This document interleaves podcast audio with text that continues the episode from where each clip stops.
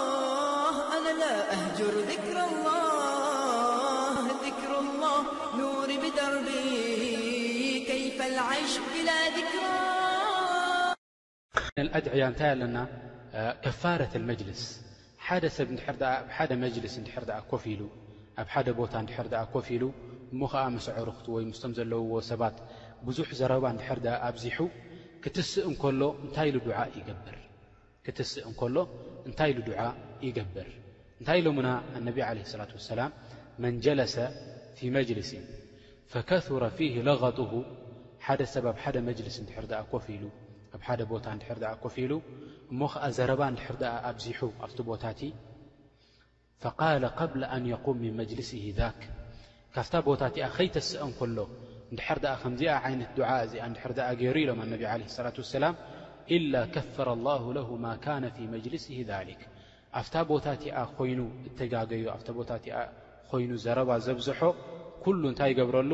ረቢ ስብሓነሁ ወተዓላ ይቕፍረሉ ኢሎም ኣነቢ ዓለይሂ ሰላቱ ወሰላም፣ ይምሕሮ ኢሎም ኣነቢ ዓለይሂ ሰላቱ ወሰላም፣ የድሕኖ ኢሎም ኣነቢ ዓለይሂ ሰላቱ ወሰላም ነጊሮምና ማለት እዮም። እንታይ እያ እታ ከፋረተል መጅልስ እንታይ ይብል? ሱብሓነከ ኣላሁመ ወቢሐምዲከ ኣሽሀዱ ኣን ላኢላሃ ኢላ ኣንተ ኣስተግፊሩከ ወኣቱቡ ኢለይክ። ንረቢ ስብሓንሁ ወተዓላ ከምዚ ኢሉ ዱዓ ይገብረሉ ኣሎ ማለት እዩ። እንታይ ይብል? ንረቢ ስብሓንሁ ወተዓላ የጽርዮ፣ ተስቢሕ ይገብረሉ፣ ምስጋና ይገብረሉ ንረቢ ስብሓንሁ ወተዓላ። ከዛሊካ ሸሃደት ኣተውሒድ ይገብር፣ ሸሃደት ኣተውሒድ ይገብር። ያዕኒ ኣሽሃዱ ኣን ላኢላሃ ኢላ ኣንታ፣ ያዕኒ ኣነሁ ላ ማዕቡድ ኢላ ኣንታ፣ ብጀካኻ ክግዛእ ዝግባእ ወላ ሓደ የለን፣ ንስኻ ኢኻ ጎይታ፣ ምስክር ኣለኹ በዚ ነገር እዚ ኢሉ ዱዓ ይገብር ማለት እዩ። ኣስተግፊሩከ ወኣቱቡ ኢለይክ ዳሕራይ እንታይ ይብል ያኒ እስቲግፋር ይገብረልካ ኣለኹ ወከዛሊካ ቶባ ይገብር ኣለኹ ናባኻ ኢሉ ናብ ረቢ ስብሓነሁ ወተዓላ ይመጽእ ማለት እዩ ጠይብ ከዛሊካ ምነል ኣድዕያ እንታይ ኣለና ሓደ ሰብ እንድሕር ደኣ ያኒ እንዳተዛረብካ እንከለኻ ምሳኻ ወይ ምስኡ እንዳተዛረብካ እንከለኻ ወይ ምሳኻ እንዳተዛረበ እንከሎ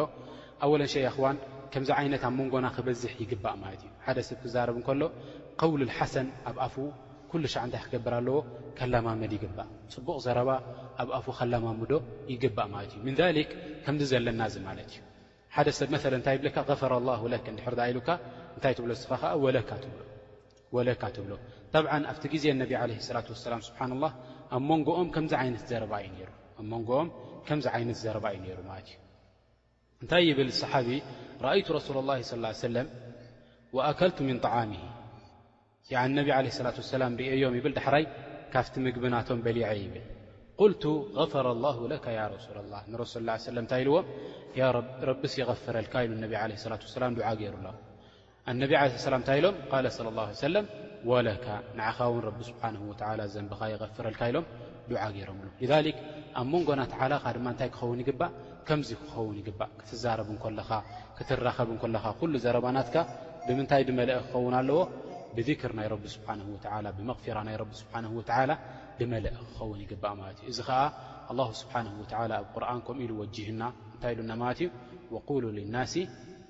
ሑስና ኢሉ ረብና ስብሓነሁ ወተዓላ ንደቂ ሰባት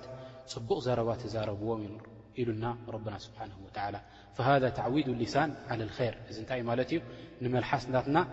ናብ ፅቡቕ ነላማምዶ ኣለና ማለት እዩ ናብ ፅቡቕ ነላማምዶ ኣለና በዚ ከዓ እንታይ ንኸውን ማለት እዩ ካብቶም ረቢ ስብሓነሁ ወተዓላ ያኒ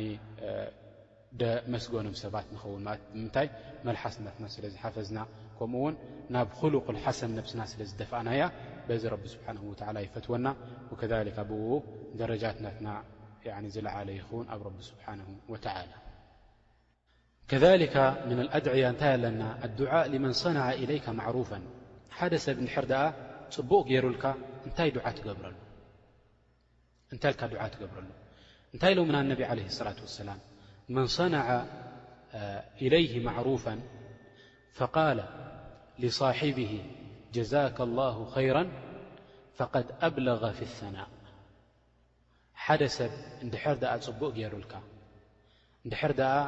ጀዛከ ላሁ ኸይረን እንድሕር ደኣ ኢልካዮ ንስኻ እንታይ ጌርካ ኣለኻ ማለት እዩ እቲ ዝበለጸ ሰናእ እቲ ዝበለጸ መጎስ ንዚ ሰብ እዚ ሂብካዮ ኣለኻ ማለት እዩ ያዕኒ እንታይ ትብል ኣለኻ ማለት እዩ ኣነሲ ያዕኒ ክፈድየካ ኣይክእልን እየ ላኪን ረቢ ስብሓንሁ ወትዓላ ይፍደኻልካ ንዚ ሰብ እዚ ዱዓ ስለ ትገብረሉ ዘለኻ እቲ ዝበለጸ ነገር ንዚ ሰብ እዚ ሂብካዮ ኣለኻ ኢሎም ኣነቢ ዓለህ ሰላት ወሰላም ይዛረቡና ማለት እዮም لذلك ሓደ ሰብ ፅቡቕ እንድሕር ደኣ ገይሩልካ ፅቡቕ ትገብረሉ እንድሕር ደኣ ክትፈድዮ ደይክእልካ መጨረሻ እንታይ ክትገብር ኣለካ ማለት እዩ ወይ ዱዓ ትገብረሉ ወከሊካ ከምዚ ኢልካ እውን ጀዛከ ላሁ ኸይረን ትብሎ ማለት እዩ ወከሊካ ምና ኣድዕያ እንታይ ኣለና ማ ያዕስሙ ላሁ ብሂ ምና ኣደጃል ማ ያዕስሙ ላሁ ብሂ ምና ኣደጃል ያዕኒ ኣደጃል ያኣኽዋን ኩሎም ኣንብያ ካብ ኣደም ዓለ ሰላት ወሰላም ወይ ካብ ኖሕ ዓለ ሰላት ወሰላም ክሳብ ኣነቢ ዓለህ ሰላት ወሰላም ኩሎም ኣንብያ ነቶም ቆውም ናቶም ነቶም ህዝቢ ናቶም ካብ ደጃል ኣጠንቂቖሞም እዮም ከሊክ ኣነቢ ዓለ ሰላት ወሰላም ካብ ደጃል ኣጠንቂቖምና ማለት እዮም እዚ ደጃል እዚ ብዙሕ ፊተን ሒዙ እዩ ኣብ ዮውም ኣልቅያማ ድመጽእ ንሱ ኸኣ እንታይ እዩ ኣወለን ሸይ ያዕኒ ክመጽእ እንከሎ ነዛ መሬት ኣብቁሊ ይብላ ተብቁል ከዛሊካ ማይ ካብ ሰማይ ይውረድ ይብል ማይ ይወርድ ንደቂ ሰባት ኣብ ክልተ ኢዱ እንታይ ኣለዎ ኣብ ሓደ ኢዱ ጀና ትመስል ነገር ኣላቶ ኣብ ካልይቲ ኢዱ ድማ ናር ትመስል ኣላቶ እዚ እንታይ እዩ ፈተነ እዩ ማለት እዩ ንደቂ ሰባት መጺኡ ዘሎ እዚ ሰብ እዚ ከም ናቱ ፊትና የለን ኢሎም ኣነቢ ዓለ ሰላት ወሰላም ተዛሪቦምና ማለት እዩ ልዛሊካ እዚ ፊተን እዚ ንኸየጋጥመካ እዚ ፊተን እዚ ንኸይመፀካ እንታይ ኢልካ ዱዓእ ክትገብር ይግባእ እንታይ ኢሎምና ኣነቢ ዓለ ሰላት ወሰላም ካብቲ ዝነገሩና ማለት እዮም ኣወለን ሸይ ተሕፈዝ ዓሽር ኣያት ምን ሱረት ልካፍ ዓሰርተ ኣያት ካብ ሱረት ኣልካፍ ካብ ኣወል ሱረት ኣልካፍ እዚኣስ ጅምዓት ጅምዓት ንቐርኣ ማለት እዩ ሱረት ኣልካፍ ዓሰርተ ኣያት ካብኣተን ትቐርእ ማለት እዩ ዓሰርተ ኣያት ካብኣተን ትሓፍዝ ማለት እዩ ዓሰርተ ኣያት ካብ ሱረት ኣልካፍ እተን ቀዳሞት ኣያት ዘለዋ ትሓፍዘን እዚኣ እንድሕር ድኣ ሓፊዝካ ኣነቢ ዓለ ሰላት ወሰላም እንታይ ኢሎምና ማለት እዮም ዑሲመ ምን ኣደጃል ኢሎም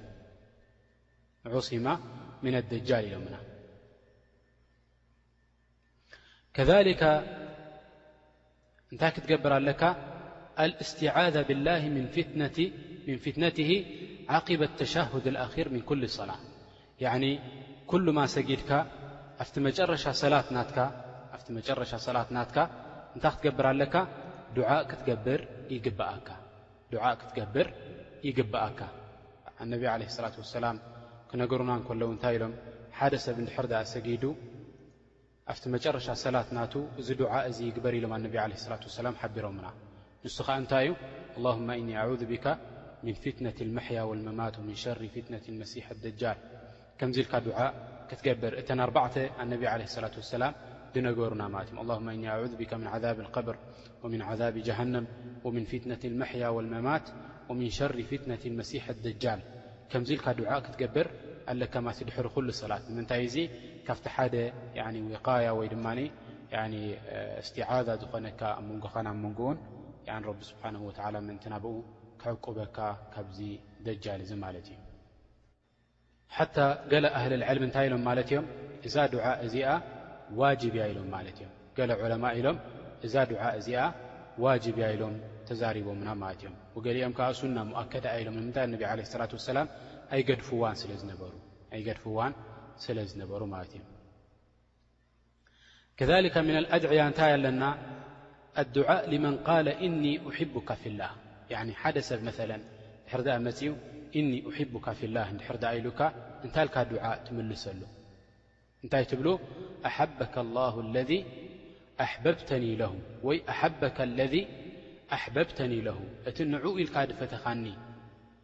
ንሱ ይፍተኻልካ ንረቢ ስብሓነሁ ወተዓላ ዱዓ ትገብረሉ ንረቢ ስብሓነሁ ወተዓላ ትልምነሉ ንዚ ሰብ እዚ ማለት እዩ ናይዚኣ ይብለና ኣነስ እብኒ ማሊክ ረድያ ላሁ ዓንሁ ኣርዳ እንታይ ይብል ኣነ ረጁላ ካነ ዕንደ ነቢዪ صለ ላሁ ዓለህ ወሰለም ፈመረ ብሂ ረጁል ሓደ ሰብ ብእኡ ሓሊፉ ሓደ ሰብኣይ ምስ ነቢ ዓለ ስላት ወሰላም ኮፍ ኢሉ እንከሎ ሓደ ሰብኣይ ብጐኑ ሓሊፉ ፈቃለ ያ ረሱላ ላህ እኒ ለኡሕቡ ሃዛ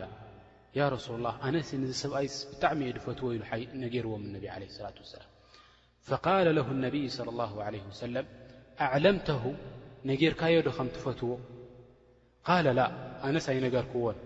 ቃለ ኣዕሊምሁ ኣነቢ ዓለ ስላት ወሰላም እንታይ ኢሎሞ ንገሮ በል ከም ትፈትዎ ንዚ ሰብ እዚ ንገሮ ኢሎሞ ቃል ፈለሒቀሁ እዚ ሰብ እዚ እንዳጎየ ከይዱ ንዚ ሰብ እዚ ኣርኪብዎ ማለት እዩ ፈቃለ እኒ ኡሕቡካ ፊላህ ኢልዎ ኣነሲ ንረቢ ስብሓንሁ ወተዓላ ኢለሲ ይፈትወካ እየ ኢልዎ ፈቃለ ኣሓበካ ላሁ ለذ ኣሕበብተኒ ለሁ እቲ ንዕኡ ኢልካ ድፈተኻኒ ጐይታ ኣላሁ ስብሓንሁ ወተዓላ ይፍተኻ ኢሉ ዱዓ ገይሩሉ እዚ ሰብ እዚ ማለት እዩ ልዛሊክ ምነ ሱና ከምዚ ኢልካ ዱዓ ክትገብረሉ ኣለካ ንሓደ ሰብ እንድሕር ድኣ እኒ ኡሕቡካ ፊላህ እንድሕር ድኣ ኢሉካ